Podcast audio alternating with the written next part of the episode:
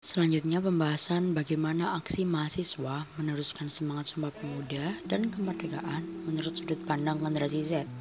Nah, kita mulai dari ikrar pertama Sumpah Pemuda ya yang berbunyi kami putra dan putri Indonesia mengaku bertempat dari yang satu tanah Indonesia. Nah, mengimplementasikan semangat Sumpah Pemuda pada ikrar satu ini dengan mencintai dan menggunakan produk-produk lokal asal daerah. Dan juga kita bersama-sama membangun negara Indonesia dengan berperan aktif membuat inovasi-inovasi produk daerah agar memiliki nilai jual yang tinggi. Uh, dan hal ini membuat uh, kita tuh bisa bangga menggunakan produk dalam negeri. Selanjutnya bunyi Sumpah Pemuda ikrar kedua yakni kami putra dan putri Indonesia mengaku berbangsa yang satu, bangsa Indonesia. Peran generasi Z untuk meneruskan semangat Sumpah Pemuda pada ikrar kedua ini yakni dengan menjunjung tinggi toleransi antar keragaman perbedaan di Indonesia. Selain itu juga kita harus berperan aktif dalam tidak menyebarkan hoax yang bertujuan untuk memecah belah bangsa.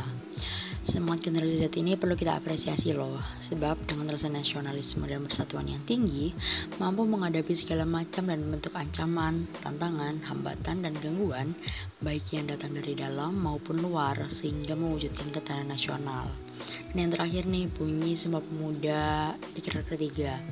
Kami putra dan putri Indonesia menjunjung bahasa persatuan bahasa Indonesia. Poin utama dari Sumpah Pemuda di tahun 1928 adalah bagaimana menjadikan bahasa Indonesia sebagai bahasa persatuan. Perkembangan zaman dan teknologi memang memudahkan kita untuk lebih mudah dalam bela belajar bahasa asing. Meskipun hal tersebut juga diperlukan, maka tetap utamakanlah bahasa Indonesia untuk sarana pemersatu generasi muda, sebab bahasa Indonesia merupakan salah satu identitas Indonesia.